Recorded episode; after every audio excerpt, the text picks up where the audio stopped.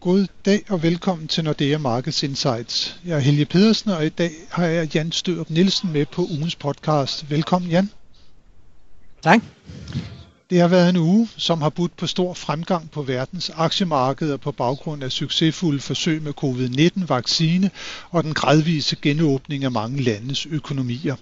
Herhjemme har vi også nu igen fået lov til at gå på café og restaurant, og regeringen forhandler netop nu om en fremrykning af åbningen for en række erhverv, som ellers først skulle åbnes i begyndelsen af juni.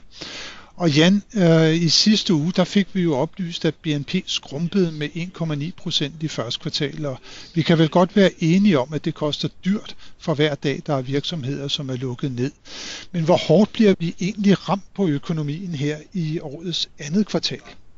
Jamen det er rigtigt, og man kan sige, øh, ned med 1,9 procent i et kvartal, hvor vi jo dybest set kun var, var nedlukket i ja, en halv måned. Det tyder jo på, at når vi så får anden kvartalstandene her hen over sommer, så bliver det, så bliver det rigtig, rigtig grim læsning. Altså vi øh, i vores hovedprognose, jamen, så er vi op omkring øh, 10 procent ned på BNP i løbet af anden kvartal. Øh, så det bliver grimt, og det bliver, det bliver værre end under det værste kvartal under finanskrisen. Så det, det er virkelig et voldsomt dyk, som vi, øh, som vi har gang i her i anden kvartal Et voldsomt dygtig i andet kvartal, men øh, så kan vi vel også begynde at se fremad igen, ikke? fordi at så er det meste af økonomien vel genåbnet, og alle de her store problemer, vi har haft med at virksomheder, de har været tvangslukket og så videre, så er de jo på en eller anden måde nok overstået. Går det så ikke hurtigt fremad? Jo, og det er jo sådan en positiv øh, del af, af historien, som er, som er vigtig at understrege, at det bliver, det bliver en meget dyb dyb nedtur, men formentlig har vi jo allerede passeret det værste af den nedtur. Vi ser jo, at øh, sygdomstallene i Danmark har udviklet sig jeg tror, bedre end, end de fleste havde tur håb på, bare for, bare for en måneds tid siden. Og det betyder jo, at vi kan åbne vores økonomi øh, relativt hurtigt, øh, faktisk som et af de første lande i Europa.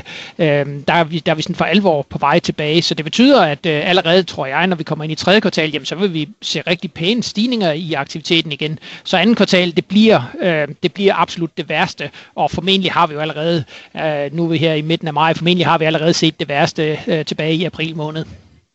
Ja, og vi kan vel også konstatere, at det her har også kostet dyrt på de offentlige finanser, fordi regeringen bruger jo mange, mange milliarder, 100 milliarder på at holde krisen fra livet for rigtig mange danskere. Men hvor stort bliver underskuddet på de offentlige finanser egentlig i år? Det er vel mange år siden, vi har oplevet noget tilsvarende. Ja, det må man sige. Der er, vir- der er virkelig slået hul på statskassen, øh, og man har tømt den for, for alt, hvad der var i, og, og ja, været ude og låne rigtig mange penge. Øh, hvis vi kigger på det samlede tilsavn, som Folketinget har givet under krisen her, jamen, så er vi jo helt op og snakke 400 milliarder. Øh, en stor del af det er så ikke øh, noget, der går direkte ind øh, som underskud, fordi meget af det er jo virksomheder, der får lov at indbetale moms og, og skatter på et senere tidspunkt, end de ellers skulle have gjort. Men altså, jeg tror, når vi, øh, når vi gør regnstykket op for hele 2020, jamen, så vil vi se et underskud på mm, 170-180 milliarder danske kroner. Det er omkring 8% af BNP. Og hvis man så kigger, jamen, hvornår havde vi sidst et underskud på 8% af BNP, jamen, så er det tilbage i start 80'erne. Så det er virkelig det er meget markant, det, øh, det underskud, som vi får i år. Det må man sige. Tror du, det får nogen betydning for sådan de muligheder, der ellers ligger øh, og ønsker fra regeringens side om, at det er, at vi skal virkelig sikre øh, velfærd, tryghed og sikkerhed for danskerne i fremtiden? Vi havde jo allerede en situation, hvor vi var begyndt at bruge sådan ret godt og grundigt af, af det såkaldte økonomiske råderum. Hvor står vi der lige nu? Ja, det er rigtig svært. Altså, det, at bare lave de her beregninger med, hvor, hvor stort råderummet er, det er, det er næsten umuligt lige nu. Øh, så det er også noget, det Finansministeriet sådan har, har holdt lidt igen med at prøve at lave de her råderumsbetragtninger, netop fordi det er stadigvæk meget usikkert, hvor, hvor dyb krisen bliver, og noget af det, som jo er, gør det endnu mere usikkert, det er, om, om vores økonomi sådan har taget mere permanent skade. Øh, altså alle de folk, der lige nu bliver arbejdsløse, jamen er de kan de jo hurtigt komme tilbage på, øh, på arbejdsmarkedet, eller er der måske nogen, som, som kommer til at hænge fast i arbejdsløshed. Og nogle af alle de her ting, de er, de er meget, meget svære at skynde over lige nu.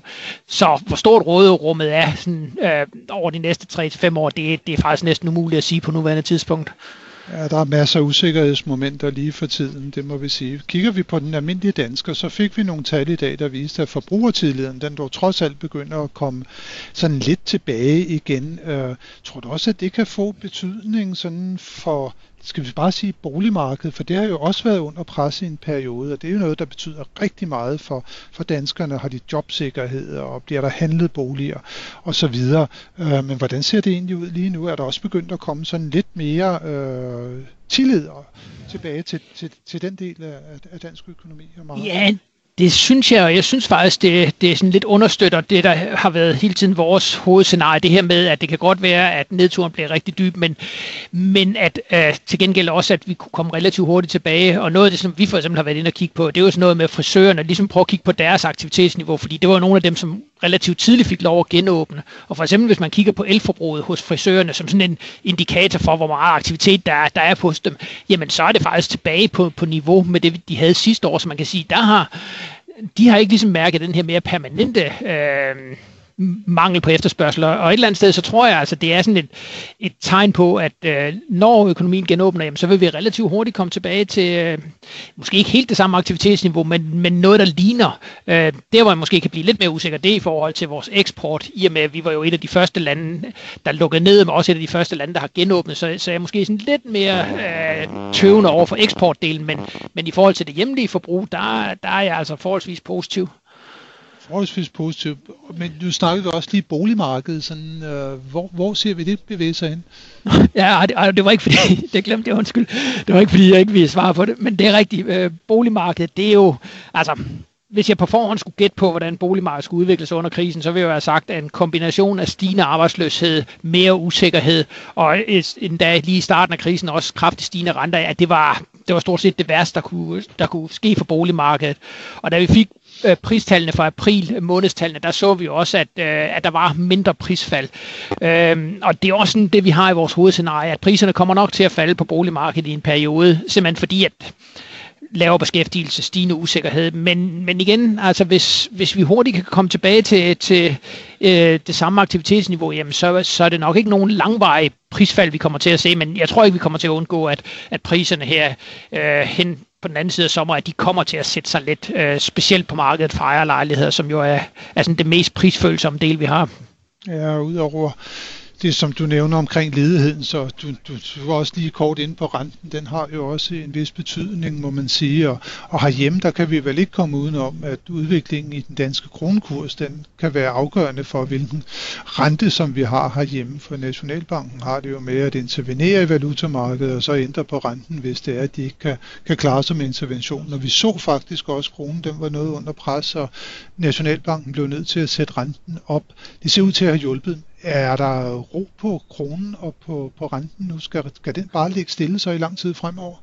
Ja, det tror jeg faktisk. Det virker som om, at Nationalbanken har haft meget stor succes med de tiltag, som de har lavet. Øh, Dels havde vi selvfølgelig vores selvstændige renteforhøjelse, som jo var sådan lidt øh, speciel i en periode, hvor alle andre satte renten ned, men den og så det her med, at Nationalbanken har begyndt at hente nogle penge i udenlandsk valuta, den kombination, den har altså skabt fuldstændig ro nu omkring den danske krone, så der er ikke længere pres på, at Nationalbanken skal til at, at sætte renten op. Øhm, og vi kan jo også se på de danske realkreditrenter, de danske statsrenter, jamen de er faldet til ro igen, øh, så vi må sige på den front, jamen der er, der er roen genskabt, og det er selvfølgelig også noget af det, som er med til ligesom at at understøtte den her positive historie omkring dansk økonomi, øh, eller i hvert fald de positive forventninger, at der ikke længere er det her pres øh, for, øh, med stigende renter, fordi det er klart, hvis, hvis vi i den nuværende situation også skulle til at bøvle med stigende renter, så vil det øh, gå hårdere ud over økonomien, end det vi lægger op til. Så der er noget, der tyder på, at der er ro på, på den front, og hvis det er, at vi kigger på den korte bane og ser ind i næste uge, så må vi også sige, at det virker som om, at det bliver en rolig uge. Der er faktisk ikke nogen internationale nøgletal af betydning, som der bliver offentliggjort der.